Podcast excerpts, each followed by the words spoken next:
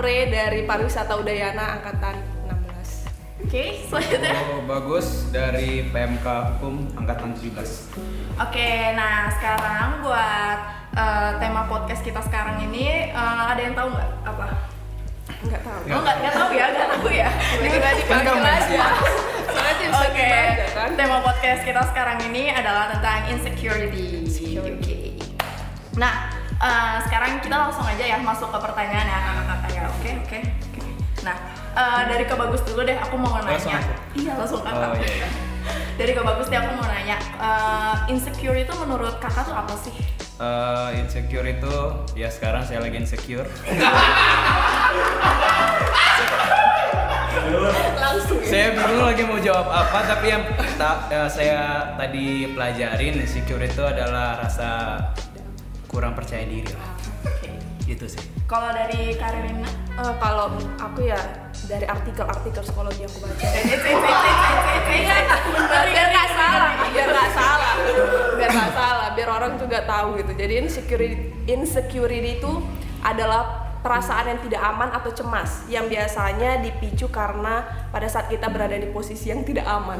Jadi kayak orang insecure itu eh, sudah pastinya saat orang merasa insecure itu berlawanan sama firman Allah gitu. Eh, agak-agak keras ya. Terus kira-kira nih kalau misalnya eh, kita lagi ngerasa takut, itu tuh bisa disebut insecure gak sih dari Kak Reni boleh? kalau takut itu kan cakupannya luas kan takut cakupannya luas jadi insecure itu bisa termasuk takut tapi belum tentu semua takut itu termasuk insecure gitu Oke, kalau dari Kak Bagus gimana? Sama aja deh. Oke. Eh, langsung next buat pertanyaan selanjutnya. Eh, kan tadi eh, dari kata Karina eh, insecure itu apa? Eh, dari firman Allah tuh apa? bertolak belakang bertolak belakang dari firman Allah. Nah, sedangkan kalau insecure itu sendiri dosa nggak sih, salah nggak sih gitu? Jadi insecure itu uh, merupakan dampak dari ini sih dampak dari keberdosaan manusia itu sendiri jadi kayak uh, insecure itu kayak satu ikatan sama dosa itu jadi ya satu ikatan dosa yang memang harus dilepaskan sama dibebaskan gitu Tapi salah nggak? ya salah lah Oke, oke.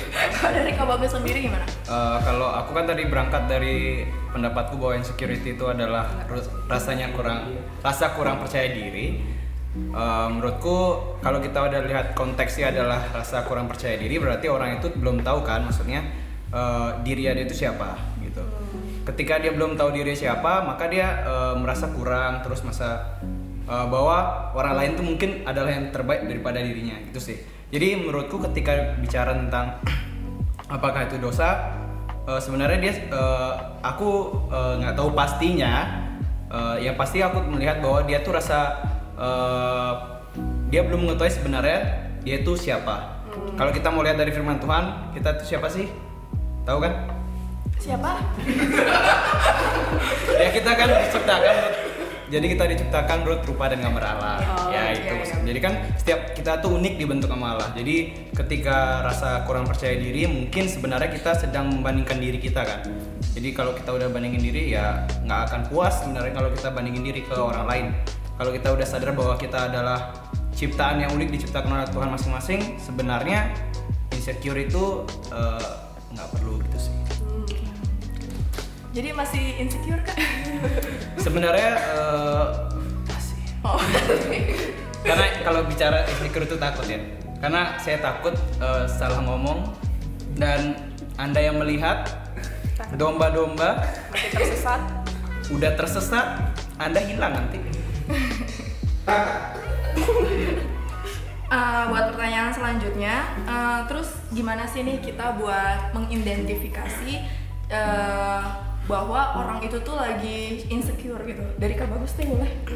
Eh, mungkin salah satunya menurutku ya eh, salah satu tandanya adalah dia terlalu lebih sering membandingkan dirinya dengan orang lain tidak percaya diri atas apa yang apa yang mungkin dia mencapai sesuatu dia lebih suka membandingkan dengan orang lain. Dan akhirnya dia lupa bahwa pencapaian tersebut dia capai dengan usaha sendiri dan uh, dengan ya kerja kerasnya dia. Jadi dia terbiasa untuk membandingkan dirinya gitu. Itu sih mungkin salah satunya. Salah satu yang gue tahu. Mungkin Karin? Ya hampir sama sih. Jadi kayak saat manusia itu mel- hanya melihat kekurangan atas apa yang dia miliki bukan kayak bukan melihat apa yang udah ada di dalam hidupnya gitu oke oke sebelum itu kamu pernah nggak ngerasa insecurity? Eh, dulu dulu pernah dulu dulu pernah. Tapi Eh, sekarang nggak lagi?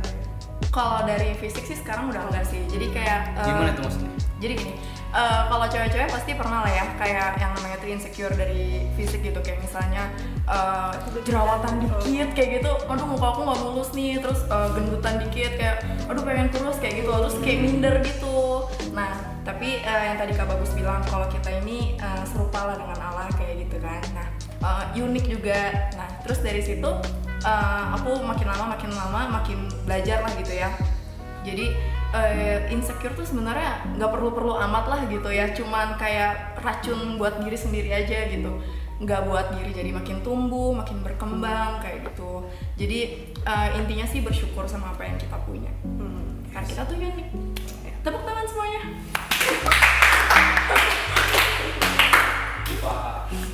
Oke, terus eh, dari masing-masing eh, Kak Bagus sama Kak Reni punya caranya tersendiri gak biar Bagus dulu kita ya. nggak insecure atau gimana? bagus dulu Jadi Eh, dari Kak.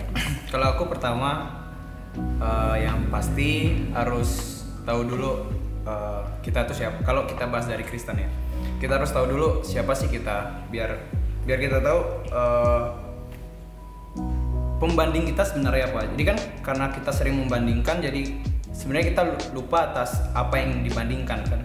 Jadi sebenarnya kita harusnya sadar dulu siapa kita. Yang akhirnya nanti eh, setelah kita sadar dia juga sama gitu aja sih sebenarnya prinsipnya. Jadi ketika udah sadar bahwa kita itu siapa, habis itu eh, memulai membiasakan diri untuk eh, terbiasa eh, mengapresiasi diri sendiri. Karena siapa yang nggak, ya maksudnya kalau nggak diri kita sendiri, siapa sih yang bakal apresiasi atas apa pun yang telah dicapai gitu sih. Tapi jangan terlalu eh, apa ya, terlalu mengapresiasi diri yang akhirnya muncul narsisme yang terlalu berlebihan. Itu juga harus dia eh, pikirkan baik-baik karena eh, narsisme juga nggak bagus. Eh, dan yang terakhir adalah eh, itu kayaknya nggak ada yang terakhir. Kalau dari Reni sendiri gimana? jadi kan insecure itu eh, ini kan salah satu bukan salah satu sih tanda ketidakpuasan kita terhadap apa yang sudah Tuhan berikan kan? Jadi ya salah satu hal yang membuat aku biar nggak insecure itu ya aku melihat kayak aku harus menyadari dulu nih bahwa Tuhan itu ya memang baik gitu kan. Kalau aku nggak bisa melihat Tuhan itu baik aku nggak akan pernah puas atas apa yang Tuhan berikan sama aku gitu kan. Jadi kayak makin hari makin harus belajar lagi sih walaupun masih kadang masih insecure ya itu satu proses gitu kan tapi di sisi lain aku harus terus menyadari bahwa segala sesuatu yang dikasih Tuhan itu baik. Harus lebih sering gue yang banyak bersyukur ya kayak dan terima apa yang udah Tuhan kasih. Kamu terima nggak? Puji Tuhan terima dong. Oh, iya. iya. Bagus lah. Nah, eh, buat pertanyaan selanjutnya, tadi kan udah nih eh, gim- caranya biar nggak insecure. Terus gimana nih kalau misalnya udah terlanjur insecure, tapi kayak apa ya insecure tuh berkepanjangan gitu loh kak. Nah, gimana biar ngelewatinnya tuh gimana sih? Dan ini tuh udah terlanjur berkepanjangan gitu. Hmm, Pengalaman mungkin kan? Iya. Iya juga sih. Kenali dulu sih akarnya kenapa insecure bisa insecure. Karena kan eh, apa faktor-faktor yang mempengaruhi insecure itu kan ada kayak kecemasan sosial, terus karena trauma, karena pola asuh, karena eh, kegagalan dan penolakan. Jadi kita harus lihat dulu nih di mana akarnya. Baru dari waktu kita ngeliat akarnya dari situ baru kita bisa mulai menyelesaikannya gitu sih. Dilihat dulu dari akarnya. Dari Kak Bagus mungkin ada? Kalau aku sih eh, kalau udah karena aku belum pernah sampai panjang banget ya. Eh, insecure tuh eh, menurutku kalau terlalu panjang mungkin eh, bakal bumerang untuk diri sendiri gitu. Karena aku selalu apa ya kayak misalnya orang mempunyai pencapaian sesuatu aku nggak bakal membandingkan diriku dengan dia terlalu lama. Tapi sebagai uh, suatu pacuan untuk diriku sendiri bahwa ini maksudnya ini secara uh, pengalaman pribadi ya. Kalau dia aja bisa kenapa aku nggak bisa? Misal kayak gitu uh, hal-hal simpel yang menurutku bisa merubah itu menjadi hal yang positif daripada daripada memikir, memikirkan apa yang orang udah capai yang belum ya udah capai yang belum tentu aku sendiri tahu gimana sih perjuangannya dia um, sampai mencapai sesuatu. Itu sih. Oke, jadi lebih dijadiin motivasi. iya motivasi. Oke, kan tadi kita udah denger banyak nih tentang uh, apa sih itu insecure, terus gimana cara mengidentifikasinya juga. Nah, dari Kak Bagus sama Kak Rina sendiri uh, punya pengalaman gak sih? Pengalaman terburuk dari rasa insecure itu sendiri. Gimana deh kalau dari Kak Bagus? Kade dulu deh Nah, kok dilempar? lagi mikir boleh, boleh. Kade dulu ya Oke, ah, kalau aku ya, kalau aku ke insecureku itu ke fisik, terus ke ini sih kalau dulu ya, sekarang udah nggak lagi tentang insecure masalah keluarga sih. Itu aja. Nggak bisa lebih lagi Oh, panjang Oh dijelasin. iya, kalau masalah panjang durasi. Oh iya. gitu ya. Kalau insecure ke keluarga kenapa udah hilang? Kan dulu eh, selalu melihat kekurangan dalam keluarga sih. Kenapa keluargaku kayak gini? Apalagi ngeliat keluarga orang yang kayak kelihatan rohani banget gitu kan, sedangkan keluargaku enggak gitu kan. Ngeliat, aduh kenapa ya dari keluarga ini gitu kan. Apalagi lingkungan temanku yang ada yang misionaris bapaknya gitu kan. Jadi melihat kekurangan selalu melihat kekurangan dalam keluarga tapi semakin ke sini aku semakin menyadari sih eh, kenapa aku bisa akhirnya bersyukur sama keluarga ini karena aku melihat aku kayak eh, bener-bener melihat gimana kuasa Tuhan pelan-pelan mengubahkan keluarga aku gitu sih jadi nggak nggak insecure lagi malah jadi bersyukur gitu punya mereka gitu sih jadi makin kuat Kalau dari pengalaman Kak Bagus gimana? Kalau aku insecure yang mungkin eh, mungkin insecureku nih kayak apa ya? Mungkin semua orang punya. ya. Maksudnya kalau misalnya kalau aku sendiri sih pribadi eh, selalu melihat kalau ada orang yang bisa hebat gitu misalnya. Kenapa kok dia bisa gitu? Itu adalah salah satu eh, salah satu insecureku. Maksudnya dia mencapai itu kan pasti perjuangan kan. Tapi aku merasa kok dia bisa ya?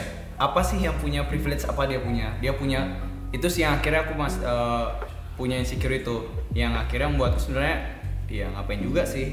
Gitu sih. Dan memang kadang-kadang eh, apalagi misalnya aku eh, suka nonton YouTube kan Ih bagus-bagus kan kontennya. Eh, ya karena di sana sedikit wow keren ya. Maksudnya banyak privilege yang aku lihat dari orang-orang eh, yang akhirnya kayak kok aku nggak punya privilege yang sama? Misalnya kayak gitu. Tapi eh, ketika menyadari bahwa nggak semua privilege yang dia dapat itu juga mung- mungkin dia nggak nggak senang akan privilege itu mungkin salah satunya. Tapi ya balik lagi sih ketika kita tahu bahwa setiap orang itu memiliki eh, eh, apa namanya ya keunikan dan misal eh, dan juga permasalahannya masing-masing ya bersyukur aja gitu. Ketika eh, diberikan Tuhan ya hari ini seperti ini ya bersyukur aja. Karena semakin membandingkan diri semakin capek sebenarnya sih. Semakin semakin kayak kok kurang aja kurang.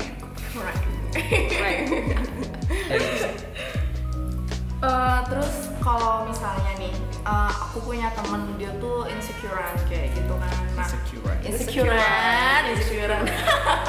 nah, itu tuh eh, ada tips gak sih gimana caranya biar aku tuh nasehatinnya dengan yang baik dan benar tanpa nyinggung perasaan dia kayak gitu. Eh, mau siapa dulu yang jawab? Oke, kamu Kalau eh, pertama sih eh, tanyain dulu dia mau di Nasihatin atau nah dinasihatin apa enggak? Karena kadang-kadang kita kan orang Indonesia terlalu pede untuk menasihatkan orang. Oke. Kita terbiasa, oh kamu harusnya begini. Iya. Padahal orang belum orang lain tuh belum tentu kan mau di, dinasehatin kan. Mungkin dia maunya didengerin dulu secara perlahan jangan tiba-tiba juga-juga kamu udah, oh kamu harus gini, kamu harus bertobat. Langsung dia gini, kamu bertobat dulu gitu. gitu siapa tahu kan. Kita nggak, tapi menurutku hal yang terpenting adalah membangun komunikasi yang baik dulu. Eh, terus eh, sudah nyaman, tapi jangan sampai terlalu nyaman. Eh, nanti Jangan-jangan. Kayak gitu ya maksudnya harus uh, membangun komunikasi yang baik dulu biar uh, ketika diberikan nasihat nanti orang itu bukan merasa diberi nasihat jadi kayak gimana ya misalnya kayak kamu sama temenmu misalnya lagi ngobrol kan nggak merasa dinasehatin kan mungkin tapi di saat itu mungkin temenmu ada niat untuk menasehati gitu sih. Ya gitu. Iya, jadi kayak lagi ngobrol-ngobrol biasa kayak pokoknya harus ada pendekatannya dulu ya kayak Hmm. sebelum masuk ngasih nasihat Hmm, kayak gitu. tambahannya ini aja sih kenalin karakter temennya dulu. Oh, iya. kalau dia orangnya memang nggak bisa dikerasin ya dilembutin gitu kan. Kalau biasanya kalau dia dilembutin malah tetap aja kayak malah makin merajalela ya agak dikasarin dikit gitu dinaikin tingkat kekasarannya Naikin tingkat. nggak kekasaran sih lebih dinaikin tingkat Ketegasannya. ketegasannya iya bukan kasar sih ketegasan benar-benar itu Eh. ya kalau aku sendiri sih orangnya yang harus ditegasin sih benar Oke. jadi pengalaman gitu kan Oke. Nah, Terus hmm, Emang kalau kamu gimana misalnya kalau temen-temenmu uh, ada yang menasihatin tuh, tipenya uh, lebih suka yang dilembutin lembutin. Atau yang justru oh kamu tuh harusnya kayak gini gitu. Secara pribadi deh. kalau dari aku pribadi gimana ya? Eh, biasanya kalau nggak biasanya kalau ngasih nasihat ke temen itu ya harus deket dulu lah sama orangnya gitu ya. Nggak nggak langsung ujuk-ujuk. Dimarahin langsung kasih nasihat. Nanti kan ke sana kayak takut disangka aku yang sotoy kayak gitu jadi harus pendekatan dulu. Terus bener kata Kare harus ngenalin dulu karakter sama sifat atau kayak gimana. Paling awal-awal ya lembutin dulu sih. Terus kalau misalnya kita udah tahu nih karakter sifatnya emang rada bandel kayak gitu eh, boleh deh rada tegasin kayak gitu. Aku biasa gitu sih. Tapi biasanya aku lebih ke galak sih kalau ngasih nasihat kayak emak-emak kayaknya iya sih kelihatan sih. Kelihatan sih. kayak gitu. Nah terus eh, pasti eh, buat anak-anak seumuran kita nih kayak eh, anak-anak seumuran, eh, seumuran kan kita ya. seumuran seumuran Seumuran. Seumuran seumuran 22 kan Jadi pertegas umur oh ya. iya seumuran Nah eh, apalagi kayak di masa-masa eh, pandemi gini kan biasanya banyak yang suka overthinking, mikirin tentang masa depan, terus eh, ada rasa insecure juga kan, nyempil-nyempil tuh dari rasa overthinking itu. Nah terus gimana sih biar kita tuh nggak gelisah gitu? Sama masa depan? Gelisah. oh bisa Gimana? sama masa depan ya? Ya kita harus melihat siapa yang eh, siapa yang menulis masa depan kita itu. Kita ngeliat gitu kan? Ya masa depan bukan kita kan? Kan ada lagu tak ku tahu hari esok kan? Hari esok kan? Gitu. Jadi kan kita ya jadi kita harus menyerahkan sama yang yang memberi kita masa depan itu. Kalau kita hanya menggunakan kekuatan kita yaitu sampai kapan pun kita nggak bakal tahu dan bakal terus-terus khawatir gitu. Gitu sih. Berserah. berserah ya berserah. Kalau dari Kak Bagus mungkin? Eh, kalau aku sih eh, mengingat salah satu eh, bukan salah satu satu nasihat dari kayak RTB ku dia ngomong kayak gini nih. Bicara tentang panggilan. Dia ngomong kayak gini panggilan itu terus sampai akhirnya kita nyampe garis finish itu eh, rumah Iya. bapak. Ah ya jadi eh, pak bicara panggilan ya terus dihidupi panggilan itu. Ya kalau bicara masa depan ya siapa yang tahu sih? Kita aja nggak tahu. Orang yang dulunya kalau bicara tentang kesuksesan orang yang dulu miskin bisa jadi sukses sebaliknya pun bisa. Orang dari awal lahir mungkin dia sukses bisa bisa dia miskin. Karena kita nggak tahu masa depan ya terus aja sama Tuhan eh, bergumul sama Tuhan tentang masa depan. Dan belum tentu di mungkin kita merasa udah berada di puncak mungkin itu belum puncak menurut Tuhan gitu sih. Yang akhirnya kita memang nggak tahu masa depan. Ketika orang merasa sudah tahu masa depan ya mungkin dia Tuhan. Semua orang nggak tahu masa depan. Semua orang nggak tahu tentang masa depan kan? Tapi benar sih eh, dari pengalaman aku pribadi, kalau misalnya eh, makin dipikirin tuh malah makin Stres. gelisah. Iya, jadi lebih baik ya kita berserah. Terus eh, dibalik buat kita ngelawan si insecure itu sendiri, kita harus bersyukur. Ah, kan gini ya kak, eh, dalam masa pandemi sekarang ini banyak teman-teman yang tadinya nggak insecure jadi insecure, yang udah insecure jadi makin insecure. Nah, eh, dari Kare, Kak Bagus mau jawab gak? Kali. Oh, oke. Tadi kan perjanjiannya kan. Nah, gimana sih eh, biar kita tuh ngilangin rasa insecure itu sendiri dalam keseharian? Eh, kalau aku sih biar nggak insecure ya cari ini sih kesibukan. Kan lagi masa pandemi ini lebih baik kita menggali potensi yang ada dalam diri. Ya, kemarin aku tuh belajar apa ya belajar gambar walaupun jelek banget gambarku tapi seenggaknya berusaha gitu. Produktif lah ya iya. kayak iya agak produktif sih. Lalu bagus mau jawab nggak oh mau oke Eh, boleh sih kalau nggak mau jawab. Eh, jawab dong jawab dong Oke, kalau dari aku sih eh, pertama benar produktif. Yang kedua eh, sebenarnya eh, menurutku ya, kenapa eh, salah satu pemacu kita bisa insecure kan eh, kita melihat media sosial ya. Maksudnya ngeliat orang lain. Nah, sebenarnya menurutku ketika kita merasa insecure melihat orang lain ya kita kurangin aja lihat media media sosial misalnya IG. Eh, kalau udah tahu orang wah orang kok di, ya kalau misalnya aku aku di semester akhir kan, di akhir kan kayak kok teman-temanku udah pada UP misalnya? Kalau aku ma- masalahnya eh, nggak nggak peduli kan mesti UP aku harus UP gitu kan eh, kalau aku pemacu gitu. Tapi mungkin kalau orang lain yang nggak biasa gitu mungkin duh teman-temanku udah pada UP bukannya bukannya mereka semakin terpacu eh dia semakin terpuruk. Terus terus semakin senang lihat-lihat terus lihat ternyata dia nggak buat. Itu mungkin ada satu efeknya. Jadi kurangin aja media sosial media sosialnya. Habis itu kalau eh, sudah terlalu bosan di rumah, aku saranin eh, ketemulah dengan manusia yang sesungguhnya. Jadi eh, teman-teman bisa sharing yang bener-bener face to face. Jadi nggak eh, nggak online gitu. Jadi menurutku ketemu manusia itu penting secara langsung. Iya. Berarti eh, yang pertama itu kuncinya harus produktif, Hmm. terus kurangin sosial media, abis itu Manusia. berinteraksi langsung Hmm. ya sama Berinteraksi. Iya. Nah, eh, kira-kira dari Kak Bagus sama Kak Re punya ini nggak pesan khusus buat teman-teman kita yang mungkin saat ini lagi insecure dari Kak Bagus teh boleh. Oke, tadi kan aku agak-agak nggak serius ya. Jadi karena sekarang seriusnya. Jadi eh, menurutku eh, gimana cara kita bisa nggak insecure lagi? Yang pertama sih eh, puas dulu akan Tuhan. Ketika udah puas sama Tuhan, sebenarnya rasa insecure itu eh, nggak ada kan? Karena kita udah, oh kita udah tahu nih, ternyata kita eh, adalah ciptaan yang diciptakan Tuhan unik setiap orangnya. Jadi ketika udah tahu dan sadar bahwa kita diciptakan unik sama Tuhan dan diciptakan serupa dan segambar dengan Tuhan, harusnya eh, di diri kita nggak perlu lagi membandingkan diri kita dengan orang lain. Mungkin itu sih yang menurutku yang bisa dari dasar atau motivasi awal yang mungkin teman-teman bisa pergunakan eh, dalam kehidupan sehari-hari. Kalau aku itu sih. Kalau dari Kak Rena mungkin sama sih sebenarnya kayak puas dulu akan Tuhan terus ingat ya apa yang kita lakuin itu apa yang ada dalam diri kita itu pasti dihargai Tuhan gitu kan Eh, dan nggak mungkin Tuhan ciptain kita asal-asalan itu nggak mungkin terus ya apa yang nggak bisa jadi milik kita itu jangan dipaksain karena kan orang yang insecure memaksakan apa yang Yang nggak yang bisa nggak iya yang nggak bisa sama dia gitu aja sih.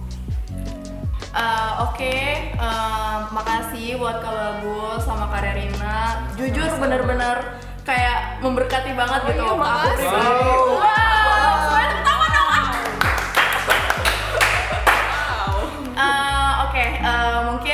dicukupkan kali ya podcast PMK PNB kita saat ini buat tema insecurity.